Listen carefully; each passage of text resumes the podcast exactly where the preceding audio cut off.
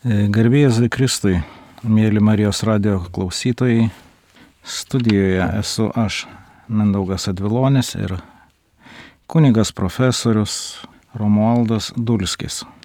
Sveiki gyvi. Kalbamės apie rytų religijas, jų dvasinius mokymus, apie Kiniją ir nemažai krikščioniškų misionierių, ypač jėzuitų, vyko evangelizuoti Kiniją. Ir apie ką pasakoja Mateo Ryči ir jo bendražygių misijų sėkmė Kinijoje.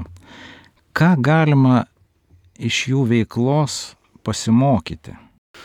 Su Mateo Ryči vardu susijusi kontroversiška istorija apie, apie sėkmę ir nesėkmę Kinijos misijų Ir kada Mateo Ryčiai pasiekė tikrai didžiulę sėkmę, integruodamas, sakytume, Evangeliją į Kinijos kultūrą, tai domininkonai ir pranciškonai misionieriai oponavo jam ir visiems jėzuitams, užginčydami, kad e, protėvių pagerbimo apėgos yra nesuderinamos su krikščionybė.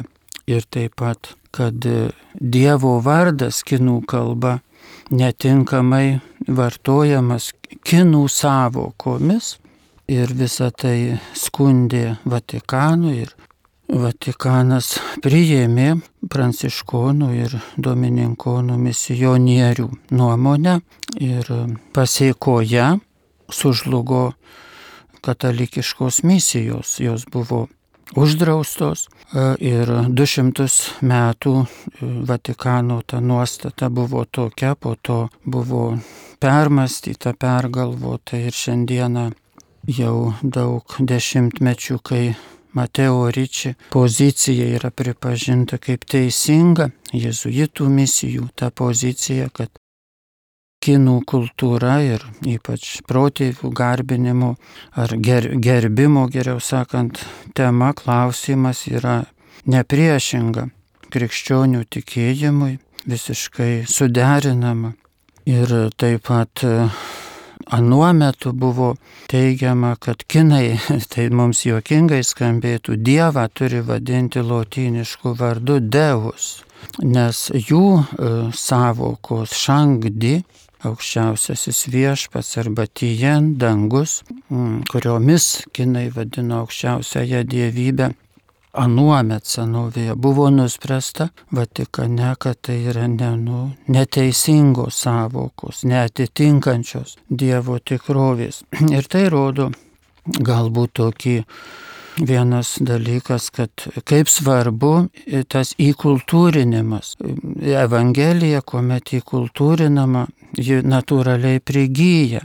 Jeigu ji supriešinama su kultūra, ji tada toks tampa svetim kūniu, bet kurioje tautoje ir, ir tada arba tauta atmeta, Kinijos atveju, arba kitų atveju, nu, toks yra vietinės kultūros kaip nuolatinis neįgymas. Ir tai yra pagal šiandienę bažnyčios, katalikų bažnyčios poziciją, pagal katalikų bažnyčios oficialų mokymą, reiškia, Evangelija turėtų būti įkultūrinta. Ir aišku, Mateo Ryčia toks akademinis požiūris, kad jis buvo kaip jėzuitų vienuolis, bet jis taip kaip mokslo žmogus, kuris atnešė Europos e, e, mokslo pasiekimus į Kiniją ir tuo kinai e, viena vertus susižavėjo Europos mokslo pasiekimais, kita vertus tai padėjo užmėgsti tokį kontaktą, dialogą su kinų šviesuomenė su aukščiausiais kinų imperijos sluoksniais, su imperatoriaus dvaru ir su konfucijanistų mokslininkais. Ir todėl e, Mateo Ryčia, sakytume, akademiškumas, atvirumas mokslui, mokslinis mąstymas, mokslinė prieiga prie dieviškų ir žmogiškų gyvenimo slėpinių labai svarbus. Ir, ir galbūt tai ne tik anuomet svarbus, bet šiandieną taip pat kad mūsų krikščioniškumui e, labai turbūt padėtų, jeigu, jeigu mes daugiau galėtume skirti dėmesio akademiškumui, mokslingumui bažnyčios erdvėje ir suvoktume ne, kad mokslas turi tarnauti kam nors, bet iš tikrųjų, kad mokslas pats tarnauja būdamas savimi. Jis geriausiai tarnauja, jis turi niekam nebūti palengtas, prie nieko priderintas, bet tada, kada mokslas objektyviai tyrinėja, tuomet jis geriausiai pasitarnauja žmonijai. Ir ta prasme ir bažnyčiai. Mokslingumas ar teologinis, ar religijotyrinis jis geriausiai pasitarnaus bažnyčiai tada, kada, kada jis bus laisvas savo tyrimų erdvėje. Vakaruose vis populiarėja rytų religijos, tiksliau iš jų pasiskolinti įvairūs elementai. Ar yra tokių dvasinių religinių mokymų, kuriuos vakariečiai noriai perima iš Kinijų ir ar galėtumėte apie juos plačiau papasakoti? Aišku, kad matome vakarų pasaulyje tam tikrą gyvą, galima sakyti, susidomėjimą Azijos dvasingumu galbūt, kuris gali būti labiau religinis ar mažiau religinis, ar visai galbūt ir nereliginis. Galbūt dėl to, kad vakarų pasaulyje krikščionybė dažnai pateikiama ganėtinai, nu, galim čia pasakyti, gal tokiu populiariu lygmeniu, jeigu ne primityviu, kartais pernelyg supaprastintų, pritaikytų, ką ir kartais girdime, kodėl, kodėl mes nekalbame taip, kad visi suprastų.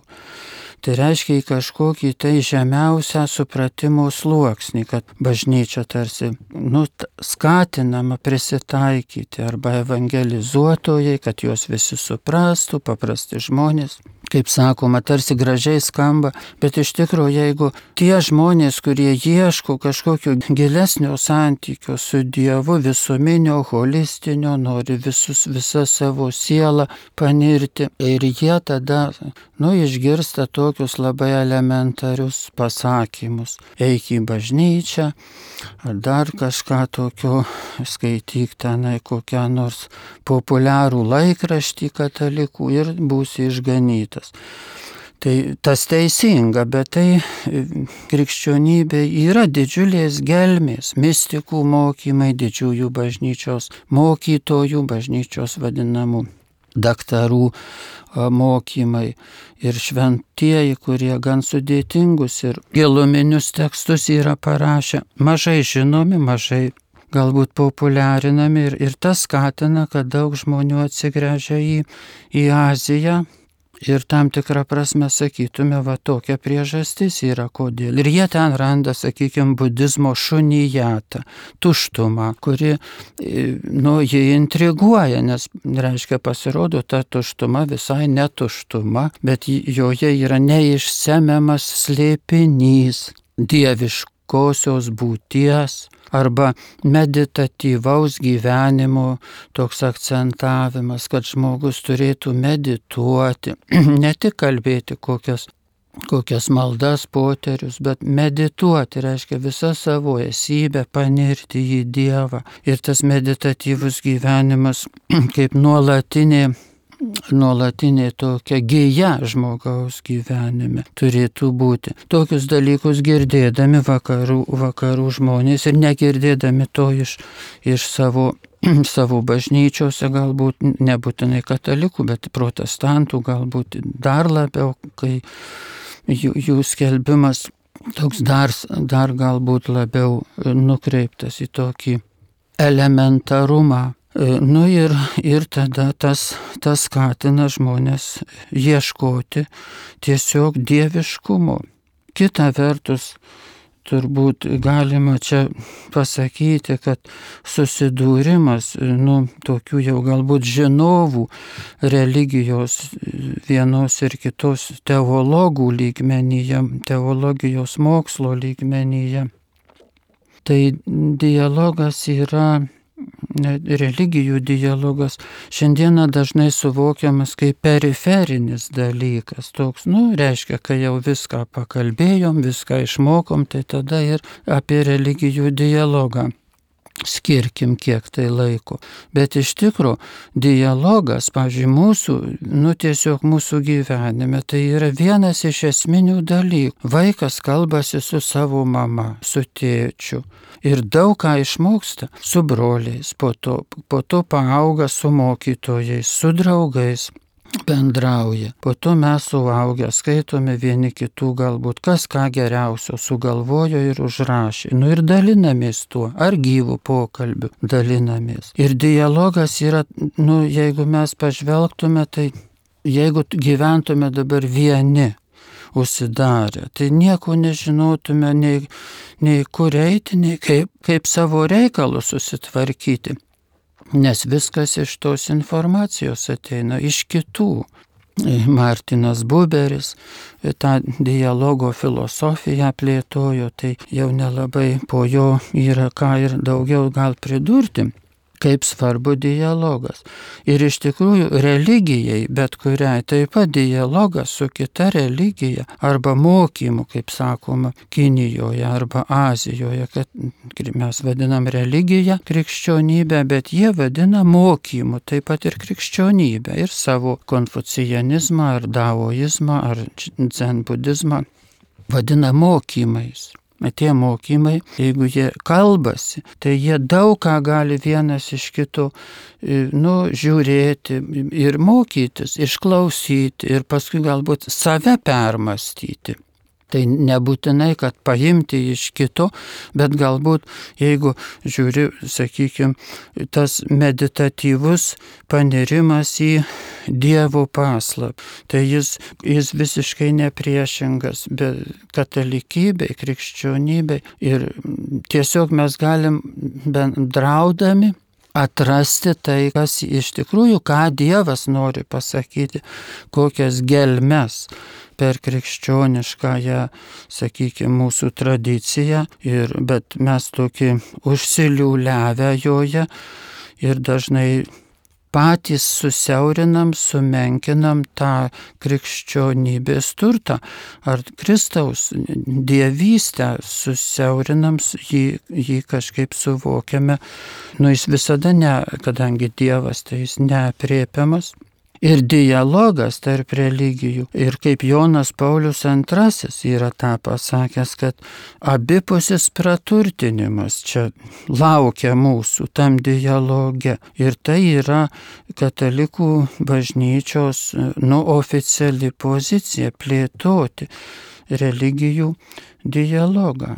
Kunigė profesoriau, vakarų akademinėme diskurse įsivyravęs daoistinės kinų tradicijos skirstimas į religinį daoizmą ir filosofinį daoizmą. Kuris iš jų yra aktualesnis krikščioniškajam mąstymui, šitam krikščioniškajam mentalitetui?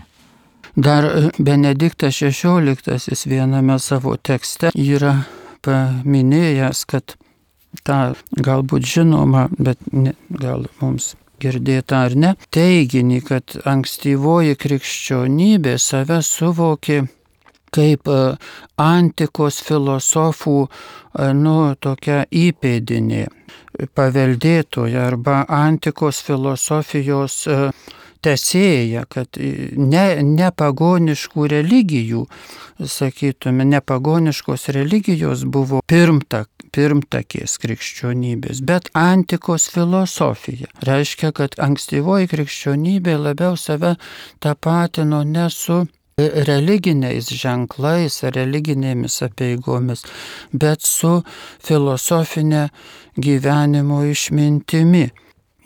Ir kadangi tai, nu, tai rodo, rodo apie pačią krikščionybės galbūt e, tokia irgi, kaip ją galėtume suvokti. Ir kadangi tai popiežiaus Benedikto XVI taip pat tokia pastaba yra nuomonė taip pat Tai, tai mums nu, gali tikrai padrasinimas būti suvokti krikščionybę kaip tokį išminties kupiną mokymą ir aišku, tada jis labiau, labiau artimesnis, sakykime, tam filosofiniam davoizmui. Ir vakarų pasaulio sinologai, Kinijos kultūros tyrinėtojai, aišku, kad jie labiau domisi filosofiniu davoizmu, dėl to, kad religinis, nu, tai tiesiog tokia religinė, religinė praktika, kurioje daug arba nesuprantamų dalykų, arba galbūt jau ir praeities, sakytume. Nes, nes vėlgi kiekviena religija progresuoja, vystosi, ypač apie kitas religijas mes galim tą lengvai pasakyti, matome tą, tai, tai kai kurie turbūt dalykai davoizme yra sąlygoti, nu kaip ir kitose tradicijose, to, to laikmečio mąstymo arba supratimo. O filosofinės ištarmės, filosofiniai požiūrė ar interpretacijos yra tokios labiau atviros ir, ir daug ką pasakančios ir šiandieniam žmogui.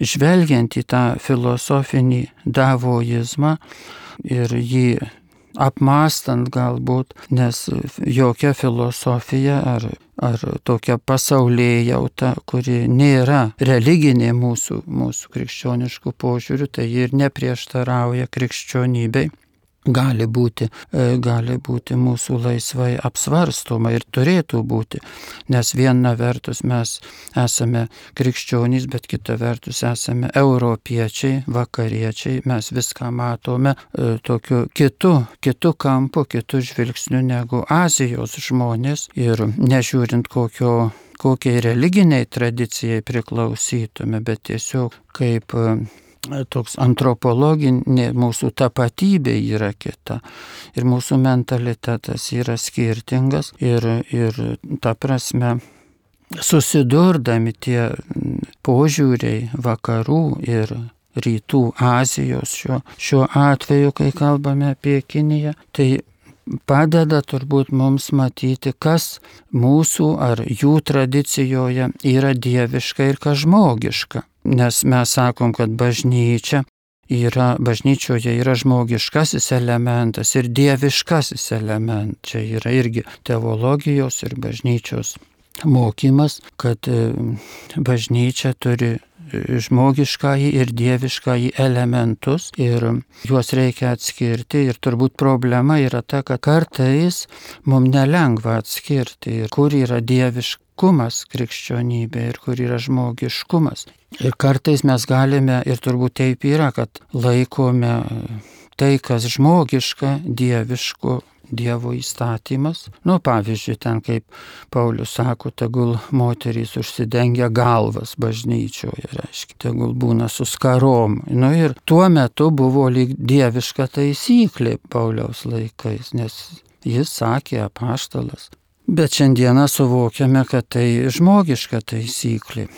Tai čia toks e, smulkiam, galime sakyti, dalykė, bet galim įvairius dalykus iš tikrųjų perklausti, ar jie dieviški, ar žmogiški. Ir, ir tame yra didžiulė prasmė, nes jeigu ir, ir matom tam tikrus poslinkius, kaip šitam pavyzdį, taip ir, taip ir kituose galime matyti vyskupų tarnystės parametrai, sakykime, kiek jie yra žmogiškai nusistovėję per istoriją, per, per tuos laikus, kai buvo monarchinė pasaulio tvarka visur vyravo reiškia, kiek demokratijos arba tam tikrų demokratijos ženklų šiandien matome bažnyčioje taip pat, ko anksčiau nebuvo. Tai, tai vėl reiškia, kiek iš tikrųjų, kiek yra žmogiškumo ir dieviškumo, kur, kur tas linktis turi, turi vykti ir dialoge su kitomis religinėmis ar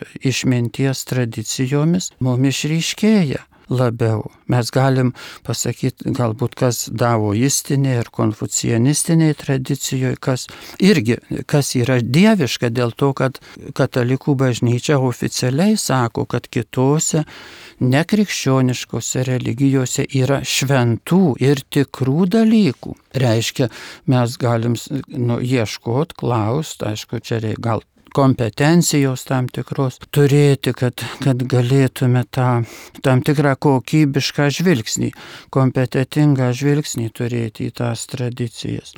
Bet, reiškia, atpažindami, kas juose ne tik žmogiška, nes jeigu sakytume, kad ten viskas tik žmogiška, tai mes, e, nu, mes iškristume iš katalikų bažnyčios, išeitų, nes katalikų bažnyčia sako, kad ten yra dieviškų dalykų. Tai tada, reiškia, mes ten ieškome, kas, kas tikra, kas šventa ir radę džiaugiamės, sakoma, čia matai, Dievas ten veikia ir kartu save permastume, kas mūsų gyvenime, kartais mes įsikabiname į ką nors, kad čia tai būtinai turi būti va šitaip, taip, kūčios ar dar kas nors čia būtinai truks pliš turi būti e, švenčiamos, ar, ar e, galbūt galim palaikyti ir žmogiškų tradicijų, bet atskirti, kas yra dieviška, kas žmogiška. Mėly radio klausytojai, primenu, kad šį kartą kalbame apie Kiniją, jos kultūrą,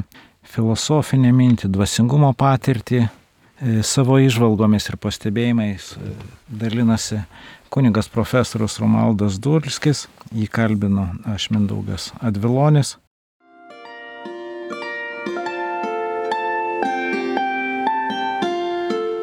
Jūs girdite Marijos radiją.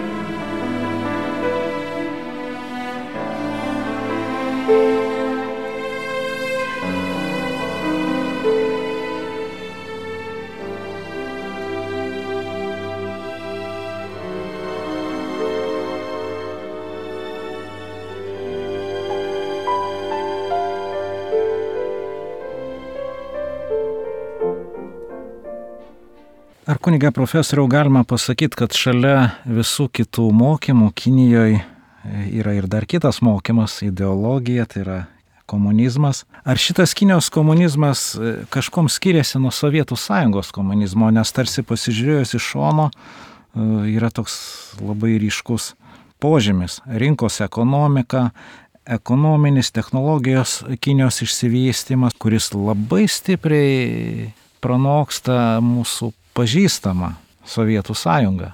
Turbūt tiek, kiek e, Kinijos komunistų partija yra komunistų, tai ji turi panašumo ir ji buvo geruose santykiuose kadaise su Sovietų sąjungos komunistų partija, iš jos e, turbūt sėmėsi idėjų, e, kaip, kaip būti, kaip gyventi ir buvo remiama.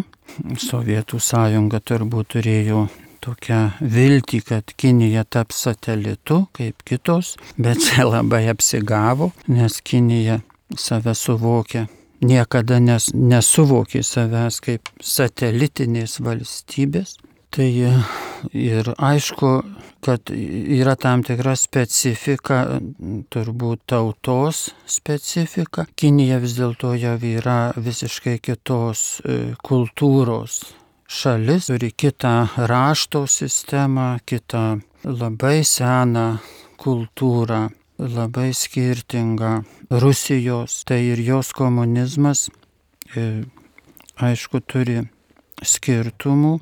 Kita vertus, kadangi tas e, Kinijos komunizmas išgyveno lygi šioliai, jis išsivystė ir e, jis tapo rafinuotesnis, Ir vienas iš tokių dalykų tai, kad Kinija, žinoma, tą rinko, rinkos ekonomiką integravo jį į savo komunistinę sistemą, reiškia leido laisvą ekonomiką ir mm, pasiliko, galima sakyti, protų kontrolę, humanistinių idėjų kontrolę, mąstymo arba lojalumo komunistų partijai kontrolę, visi turi būti lojalūs.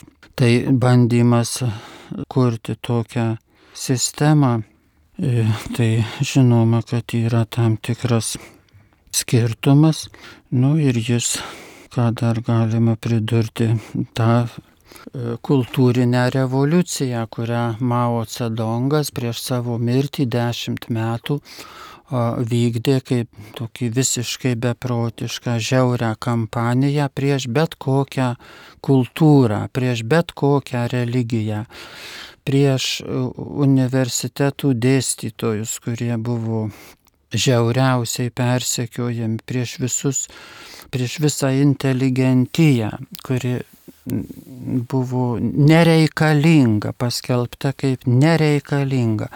Tokio nuožmumo rodos nebuvo Sovietų sąjungoje, bet Mao Cedongas, kada mirė, tai buvo suvokta, kad e, ta kultūrinė revoliucija yra visiška, visiškas absurdas, nenaudingas pačiai valstybei.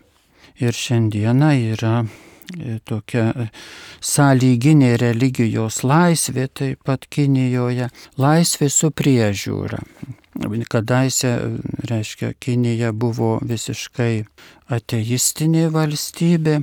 Nu, galima rasti, aišku, paralelių su dabartinė Rusija, kuri irgi leidžia religinį gyvenimą, bet nori, kad religijos, religijų lyderiai remtų režimą. Tai Kinijoje nu, visiškai panašiai yra. Kinija kontroliuoja vadinamasias penkias religijas ar penkias bažnyčias, tai yra e, davoistų asociacija, budistų asociacija, musulmonų ir e, katalikų ir protestantų. E, tai yra penkios tokios legaliai pripažintos, e, nu, bažnyčios, galima sakyti, religinės bendrijos, kurios prieš tai prižiūrimos ir kontroliuojamos komunistų partijos. Viskas turi būti žinoma, kas ten vyksta valdžiai ir visiškas lojalumas.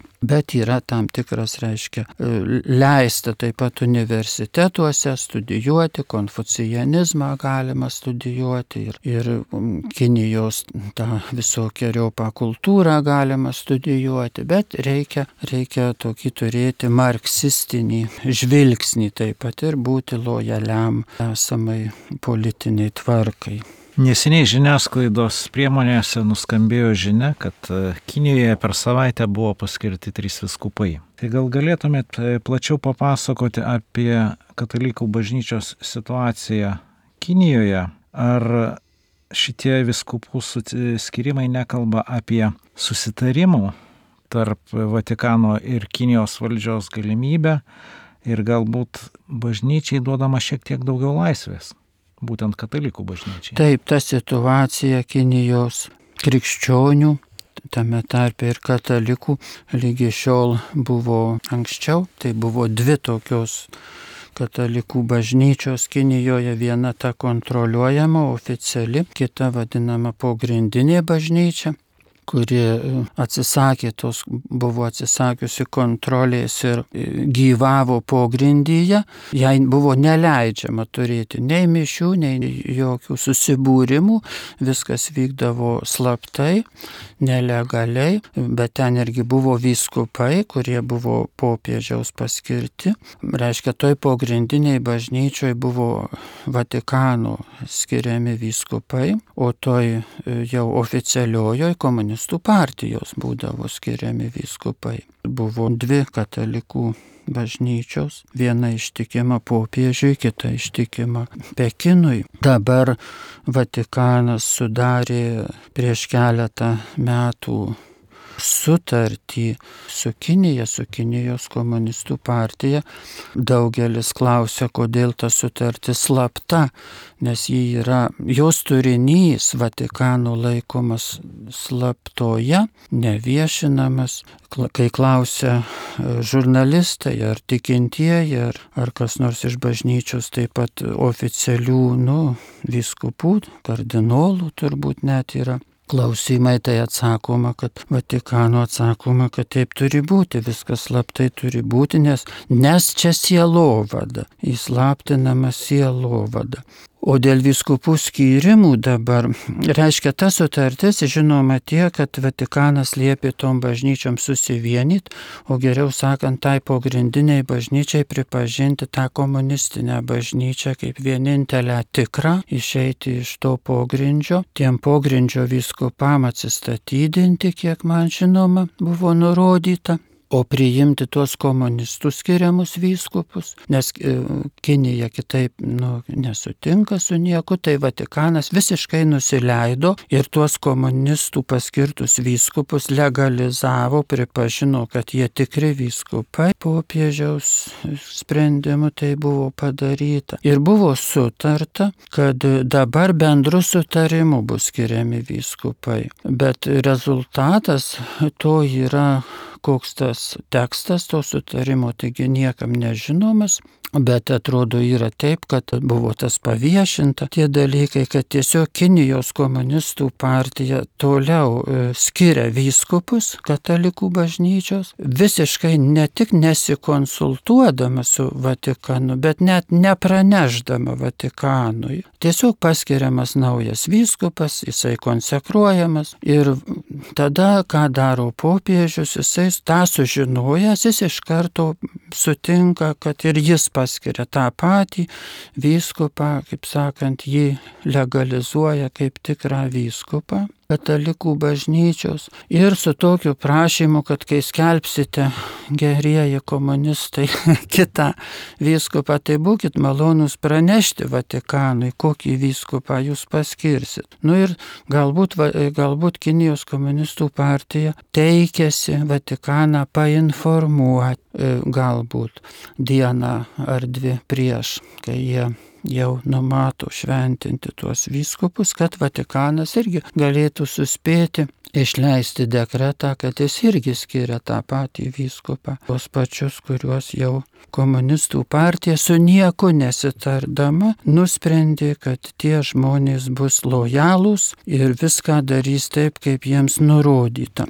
Tai tokia, tokia situacija, dėl to labai Hongkongo e, kardinolas e, emeritas labai pergyveno, pažindamas tą Kinijos situaciją ir jis visokiojopai bandė sakyti, kad tai nėra gera ta politika tokia, bet niekas jo neklausė ir dabar, kiek žinoma, tai tas Hongkongo kardinolas yra bandomas įkalinti kinų valdžios, dėl, aišku, dėl, dėl savo nelojalumo Tai va, o įdomu, kad paminėti galbūt, kad katalikybė kiniškai yra vadinama dangaus viešpaties mokymu. Tijančių džiau.